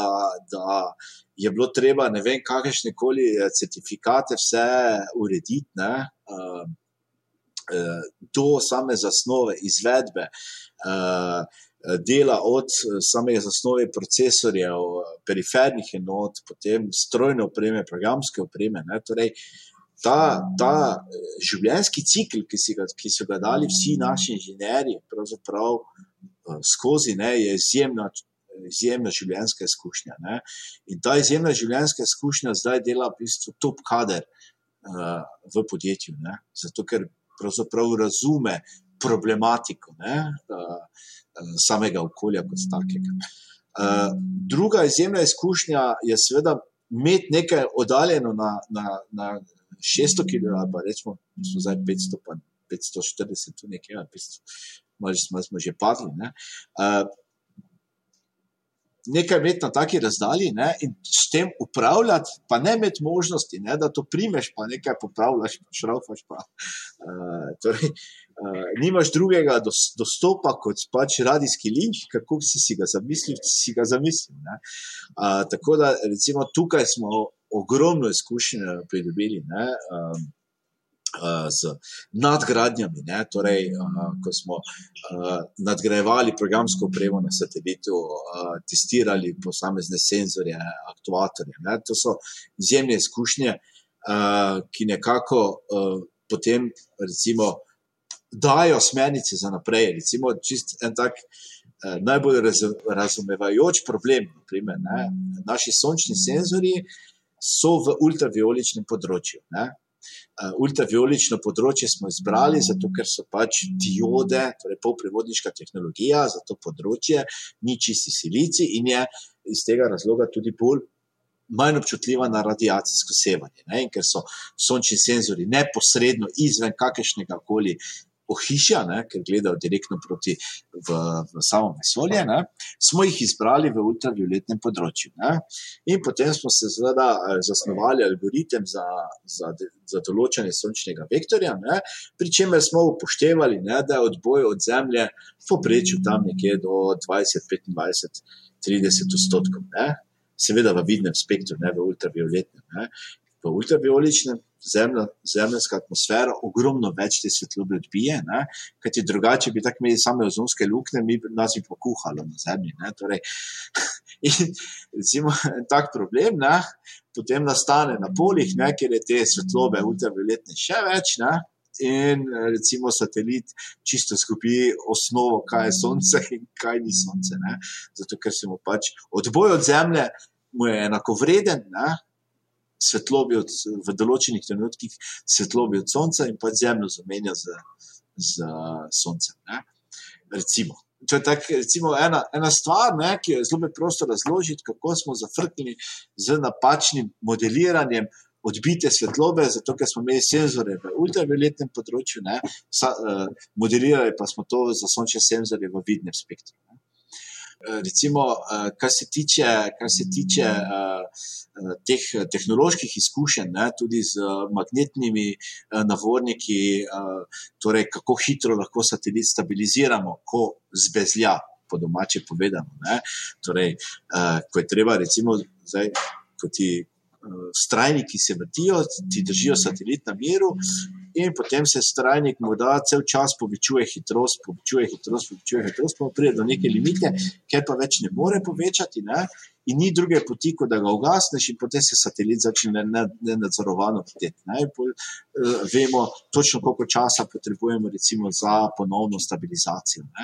Torej, um, uh, to, da, lahko, da, je, da je proces dovolj zmogljiv, da to vse zračuna, uh, izkušnje z baterijami, izkušnje z sončnimi paneli, uh, z telemetrijo, ali je telemetrija zatosna. Torej, smo vmes delali programske nadgradnje, da smo povečali koncentracijo uh, telemetrije, ne? predvsem za spremljanje do, določenih senzorjev, bolj pogosto kot je giroskop, pa magnetni senzor. In vse te podatke zdaj vključujemo v naš simulator, ki je. Ki je mi temu rečemo high fidelity uh, orbital simulator, ki je zelo, zelo dober, torej uh, zelo dobro lahko simulira so, kako bi rekel, orbitalno dinamiko in hkrati zdaj lahko si simuliramo tudi, uh, tudi vse uh, senzorje zelo, zelo dobro in to bomo zdaj recimo uh, zelo pridom uporabljamo potem, ko testiramo algoritme za nove satelite. Ne. Tako da recimo 3SAT-R že se testira v tem posodobljenem simulatorju ne, uh, in testiramo potem algoritme, kako. Koliko je dober, zna obrniti satelit proti Soncu. Je pa res, da je vedno lahko še kakšna smotka noter, ne, ki, ki povzroči težave. No, um, Dajmo ponazoriti ljudem, kaj lahko ta satelit dejansko naredi. Ne? In če smo že aktualni, kot smo začeli eh, ta podcast, ali lahko recimo slika ruske tanke na tleh Kijeva? Uh, zdaj, uh, ruskih tankov na, na tleh Kijeva ne more slikati, ne? ker je uh, uh, njegov piksel pač dosti večji od, od tanka. Uh, vedeti moramo, da kamera, ki je na 3-satu, je tehnologija Indigali Arzenida, torej zelo specifična poprevodniška tehnologija, ki je občutljiva tam, kjer silicijeve kamere niso. Torej, če, če je silicijeva kamera občutljiva tam nekje do 1100 nanometrov, ne, vse kaj pa večja valovna dolžina, je, je silicij že transparenten, imamo mi tukaj gori tehnologijo, ki je na tem področju. In to pogosto ljudje ne razumejo, zakaj imamo tako nizko razločljivost. Ne, zaradi tega, ker silicij delamo po tako imenovani komplementarni most tehnologiji ali CMOS in lahko delamo zelo, zelo majhne eh, senzorčke, torej pikice na senzorju. Ne, mobilnem telefonu segajo tam na 2,5-2,5 uh, mikrometra, ne, so že zelo majhni, zato imajo mobilni telefoni take grozovite razločljivosti ne, uh, slikic. Medtem ko na, na tej bipolarni poprevodiški tehnologiji, ki je na 3 satu, je state of art trenutno če se ne motim, 15 uh, mikrometrov, mi pa imamo 25 mikrometrov velikost uh, slikovne točke. 15 nismo mogli, ker je Izrael takrat zahteval, ne vem kaj vse, da bi spravili izraelsko tehnologijo v Slovenijo. Uh, uh, francozi so bili pa tukaj dosti bolj odprti, tako da je, je to francoski slikovni senzor, uh, ki smo ga potem v našo kamero integrirali. In ker ima seveda velik, veliko slikovno točko, je tudi preslikava pri taki razdalji, ne, tudi temu velika, velika točka na, na Zemlji. Tako da uh, tega ne more. Ne. Smo pa za kamero pokazali, recimo na Zemlji, na aplikacijah, ne, da pa lahko vidimo skozi meglo, oziroma lahko slikamo skozi uh, tanko, uh, tanko uh, tanke oblake. Ne. To pa je recimo bilo pokazano, ne, da je recimo avtocesta, ki jo vidiš kot čisto zapekljeno, ne vidiš vozil, ne, z našo kamero dejansko normalno vidiš eh, avtomobile, ki se vozijo po tej cesti. Ne.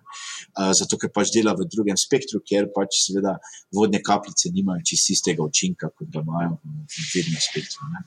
Pač Eh, ne, ne moramo pomagati uh, situaciji v, v, v, Ukrajini. Uh -huh. uh, mogoče pa lahko pripomorete pri raziskovanju drugih osončnih sistemov. Ne, nekje sem zasledil podatek, da naj bi se za to platformo satelitsko zanimala celo tista inicijativa Breakthrough Initiatives, ki uh, kani narediti take miniaturne sondice, pa jih z laserjem pognati do najbližje sosednje zvezde. Ne. Koliko je soli na tem? soli je na tem ogromno, da, vsaj, da smo se vsaki dve leti srečali, uh, se pogovarjali o tem. Uh, zdaj pa je pol udarila korona, tako da uh, FORES konferenca je letos v Portugalskem, uh, v maju, tako da upamo, da se vidimo z gospodi v maju na Portugalskem. Uh, drugače pa je bilo zdaj vmes pač uh, večje zatišje, no, zaradi korone te konference so, so odpadle. Uh, na zadnje smo bili skupaj, v, če se ne motim, v Sorentu, uh, v Italiji. No? Tako da upamo na najboljše. Ja. Je pa to tako zelo, kako bi rekel, uh, dolgoročna stvar, vprašanje, uh, če bojo v bistvu sploh še kapitalsko, kako bi rekel, uh, financirali do konca to idejo. Uh, je pa pač eh, cilj, pač v nas vidijo ta potencial, zaradi tega, ker ciljamo vedno više, torej gremo z isto velikostjo satelitov. Torej pa ni cilj, da delamo tako male satelite, ampak uh, tehnološke demonstracije uh, so najenostavnejše na tem form faktorju, ne? da gremo tudi v globije v vesolje. Uh, in zato, seveda, pač potrebuješ pač bolj zanesljivo. Eh, sistemsko elektroniko, kot pa, kot pa to, kar uh, leti v najnižjih zemljih orbitah. Tako da iz tega razloga smo uh, pač, kanček v očki. No, še ena stvar me dejansko zanima. Ne. Vemo, ne, da je v, v vesolju še en drugi slovenski satelit, ne, Nemo HD. Kako, kakšno je zdaj, ali obstaja kakšno sodelovanje med uh, tej slovenski uh, vesoljski industriji, uh, ali imate kakšne skupne projekte, ali gledate v kakšno skupno prihodnost? Kakšno je tukaj stanje? Uh, definitivno je, je sodelovanja uh, kar ogromno. No? Uh, tudi pogovori, ne? konec koncev, ministrstvo vsake toliko časa zorganizira dogodke, tako da se srečamo, pogovarjamo o prihodnosti. Uh, vsake toliko časa se tudi kak projekt prijavi, ker iščemo sinergije med, med, med uh, uh, posameznimi podjetji. Tako da uh, jaz mislim, da je sodelovanje že odraslo na nek uh, smislen nivo. Uh, trenutno se pripravlja strategija uh, za ODA, torej strategija. Uh, Republike Slovenije, tako da uh, je bilo ogromno intervjujev, z raznimi deležniki, torej kam si želimo, kaj želimo na tem področju. Tako da jaz mislim, da je zelo dobro vzdušje trenutno na splošno. Čaka se zdaj sprejemanje te zakonodaje, ne, zato da bomo lahko tudi uradno registrirali satelite. Trenutno smo pač pri, pri Združenih narodih zabeleženi kot eh, eh, z imenom in priimkom, ne, in pa for, for. Uh, tako da to bi bilo lepo, da da tudi potem uradno uredimo, ne, tako da, bo, da bo lahko Slovenija tudi z ustrezno nacionalno zakonodajo, potem tudi ustrezno na mednarodnem nivoju registrirala svoja vesoljska plovila. To mislim, da je pač ena izmed ključnih nekako, korakov, ki jih moramo tudi na političnem uh, uh, izvesti. Če se ne motim, je to zdaj ravno v parlamentu, nekje v neki obdelavi, se mi zdi, uh, da je ta zakonodaja se vrti, tako da upamo, da bo to vse šlo uh, dobro naprej. To nam da pač tisto neko, kako bi rekel, osnovne, osnovne eh, mednarodne odnose, ne, eh, da jih uredimo. Ne, da pač če Nemci vprašajo, ali imate registrirane satelite, ja, ne, imamo do neke mere. Ne. Uh, tako da pač to je že treba. Uh, drugače pa sodelovanje, jaz mislim, da je vedno bolj, kako bi rekel, trdno. Tako da tu ne vidim nekih večjih težav. Tudi ta razdelitev je vedno bolj smiselna, torej kaj je upstream in kaj je downstream. Torej, kdo se in kaj se dela na dejansko pretoku podatkov in obdelavi podatkov, in kdo ustvarja tehnologije, in pa pač tisto, kaj dejansko leti. Tako da tudi to eh, postaje vedno bolj kristalno jasno. Tako da mislim, da, je, da smo na dobri poti. No, no dajmo pogledati še za trenutek, ne, uh, bolj široko. Zdaj mislim, da ta vaš satelit je svoje korenine najde nekje v letu 2011. Se pravi, od ideje do izvedbe je praktično deset let. Ne? Pa dajmo se zdaj zazreti v let od deset let naprej, v 2032. Kje vi vidite uh, slovenske dosežke v vesolju? A bomo imeli pajkovca slovenskega na Luni, pa uh, orbiterje, pa mogoče še kje naprej, pa ne vem, pri Saturnovi Luni v Evropi ali karkoli. Ja, eh, to je treba mogoče mal, kako bi rekel. Eh, tako kot sem prej uh, povedal, ločiti, kaj je, kaj je nek, rečemo, vrhunski tehnološki dosežek in pa kaj je pravzaprav komercializacija tega vrhunskega dosežka. Ne? Torej, na en način z našimi demonstracijami, torej tudi z lunarnim orbiterjem in pa spajkacem, želimo pač pokazati, pokazati nas, torej na, na platformo, na, na vodenje, na algoritme, ki se jih da pri nas nekako kupiti. Ne? Zdaj ali bo to na koncu slovenski pajkovec tam ali bo, ali bo se sploh pajkovske, pajkovske platforme, kako bi rekel, veljavile. Jaz sem pripričan, da, ne? verjetno pa pol sveta še vedno raje razmišlja o kolesih. Ne? Tu bom dal takšen odgovor. Ne, ne znam dejansko povedati, ampak ko, se, ko smo 2004 smo imeli predstavitev vrhunskega kvadrokoptera v vrhniki slovenski vojski. Ne? Postrojili so jih v Uni, minus 25, cela četa je tam stala, vsi so nas verjetno v mislih, si svoje misli, ko so nas gledali, gledaj, mulce, kaj hočejo nam tu pokazati. V bistvu niso dojeli uporabnosti. Okay? Ne? Danes je pa eden. No, kaj je bil ta kvadrokopter, lahko še to razumete? Ja, taki frčeplanček, ko jih danes pač kupujete. Ne? Ja, pa, pa je bil z, vi, z virtualno resničnostjo, oziroma obogateno res, resničnostjo voden. Tako je, ja, imeli smo že uh, moj doktorat, v bistvu stereoskopska očala, uh, s katerimi si v bistvu vodil, pa gori se bila stereoskopska kamera. Ne, tako da si v bistvu imel v bistvu globinski pogled uh, celo iz njega. Uh, pa ni bilo nekega razumevanja. Ne. Uh, danes vemo, da je en najbolj prodajanih artiklov ne, je, je iz Turčije, tisti 3 milijonski kvadrokopter. Uh, to je eno izmed eh, trenutno, zdaj se to fulko poje, to, to dogajanje. Bajraktar.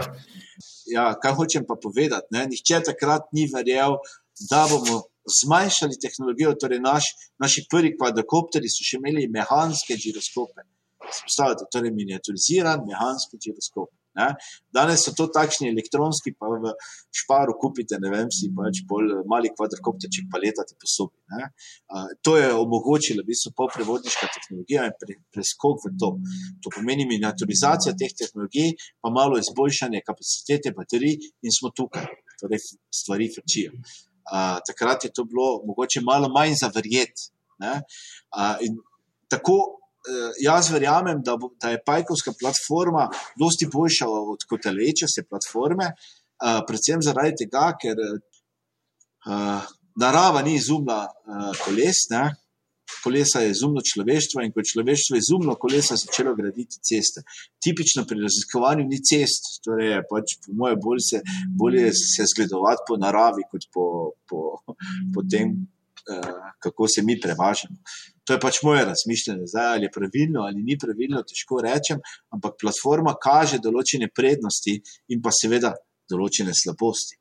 Uh, te slabosti so predvsem v porabi energije. Če primerjamo brezpilotne letalnike ali pa brezpilotne kvadrokopterje, je tukaj ena velika in ključna razlika. Brezpilotni letalnik porabi dosti manj energije in lahko dosti dlje leti, ima pa dosti manj fleksibilnosti pri opazovanju ali pa ne vem, neki, uh, uh, kako bi rekel, upravljanju, ne? torej mora leteti. Uh, Medtem ko uh, pač kvadrokopter lahko pač peljete skozi okno, pa po laboratoriju, pa ven, pa ne vem, ne? lahko pač imate dosti več fleksibilnosti, porabi pa dosti več energije. In podobno je tukaj. Trenutno, ko ta leče platforme, imajo so energijsko, seveda, dosti, dosti bolj učinkovite, ne, ker se pač kotalijo, medtem ko hodeče platforme. Imajo dosti večjo porabo električne energije, definitivno so pa bolj, uh, bi rekel, lahko avtonomne in pa uh, uh, verzatilne, kako bi človek, uh, rekel, vsestranske v, v nekem določenem pogledu. Tako da, ali bo, ali ne bo, je težko reči, ne? mi gremo v glavnem v tej poti. Ok, jaz bi morda za konec vendarle vprašala še za vaše mnenje. Ne? Rekli ste, da je Evropa zaspala v zadnjih desetletjih, recimo, oziroma počasi zaostajala.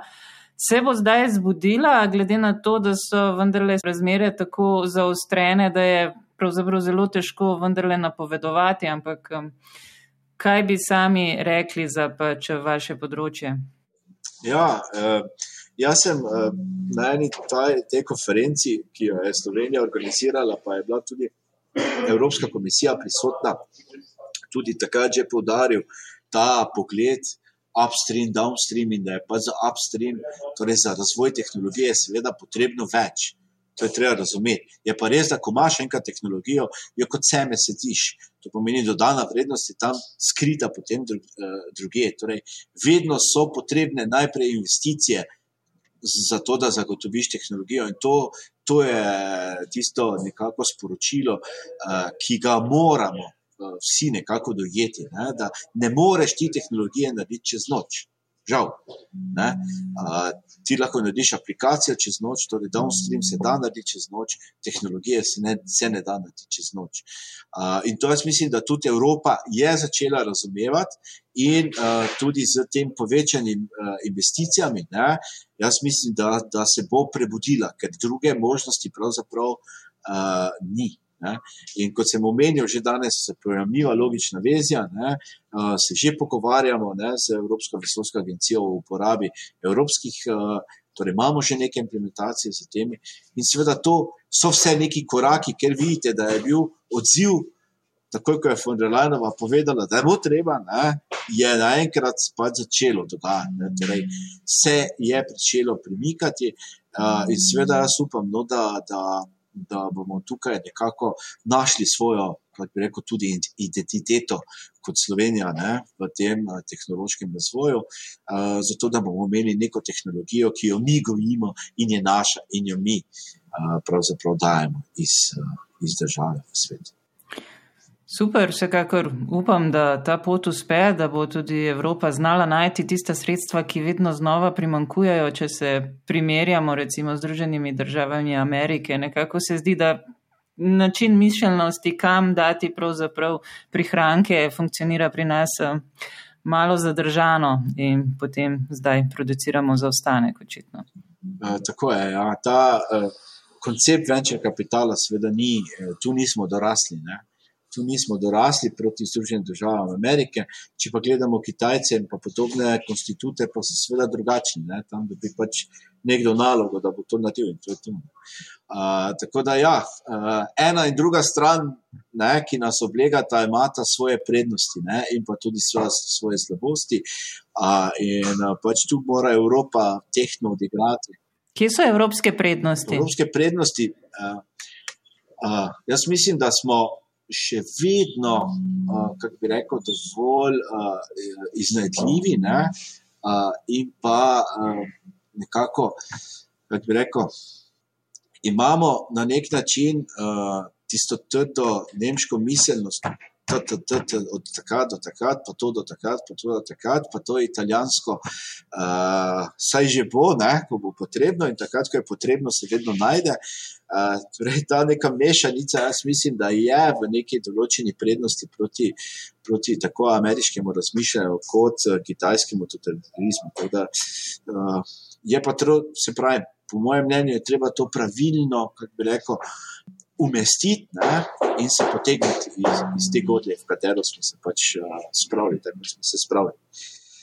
No, vsekakor upamo, da se potegnemo čim više, vse do Lune in naprej. Hvala, uh, isto Kramberger, za pogovor.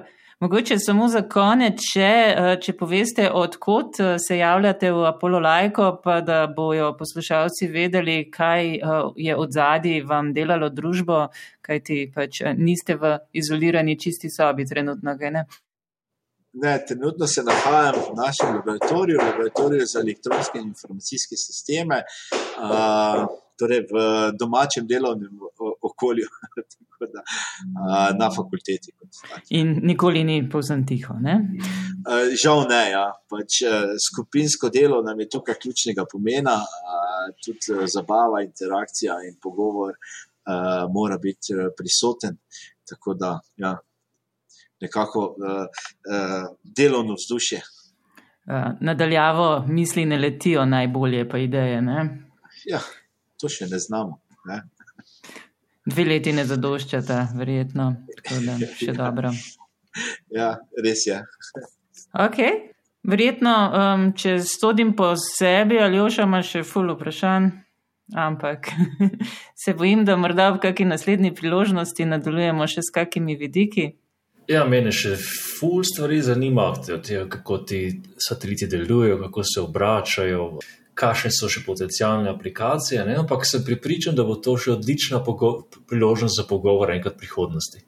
Če ne prej, ko poleti 3SR, zagotovo se kaj oglasiva. Velja.